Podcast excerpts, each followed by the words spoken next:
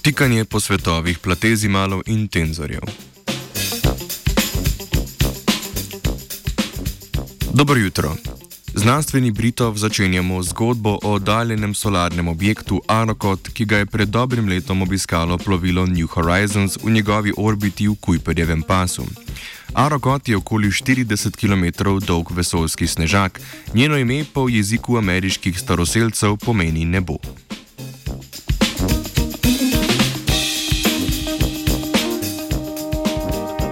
Zbrane podatke sonda počasi, a ustrajno pošilja nazaj na Zemljo. Iz prispelega dela opazovanj so raziskovalci in raziskovalke v dveh člankih v reviji Science pred kratkim opisali sestavo in geologijo Aroko ter njen nastanek.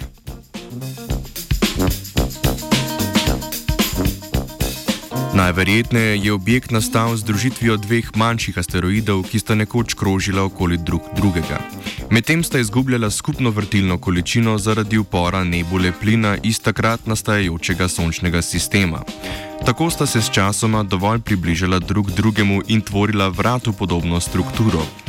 Domnevajo, da je tako nastal velik delež objektov onkraj Plutona, nasprotno od objektov bližje Soncu.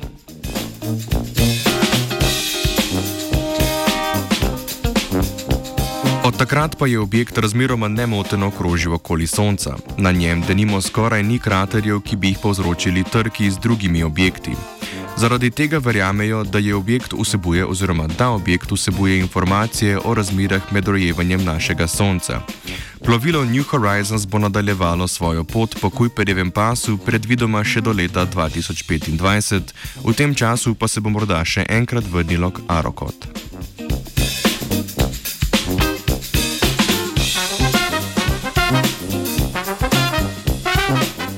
Nekaj pozornosti namenimo še študiji objavljeni v reviji Physical Review Letters, ki odgovarja na vprašanje, ali nevronske mreže vsebujejo koncepte. Raziskovalna ekipa iz Ciriškega inštituta za tehnologijo je oblikovala nevronsko mrežo po vzoru modela človeškega spoznanja. V modelu si z opazovanjem izoblikujemo reprezentacijo fizikalnega fenomena, ki je izražena v jeziku matematike.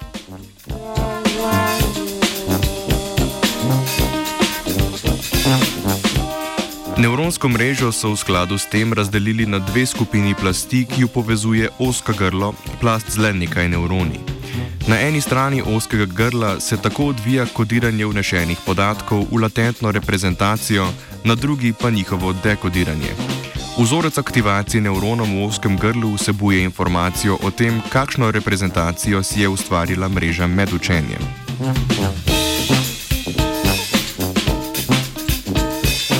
Arhitekturo so preizkusili na več primerih. Izpostavimo le enega, ki se ujema z astronomsko temo.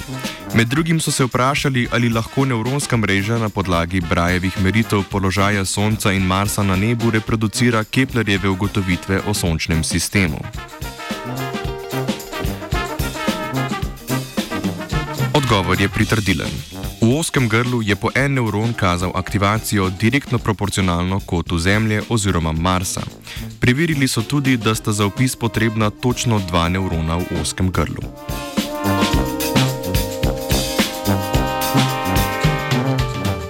Avtori še dodajajo, da so računi izvedeni z uporabo zastonske knjižnice za Python TensorFlow na prenosnikih s povprečnim časom učenja nekaj ur.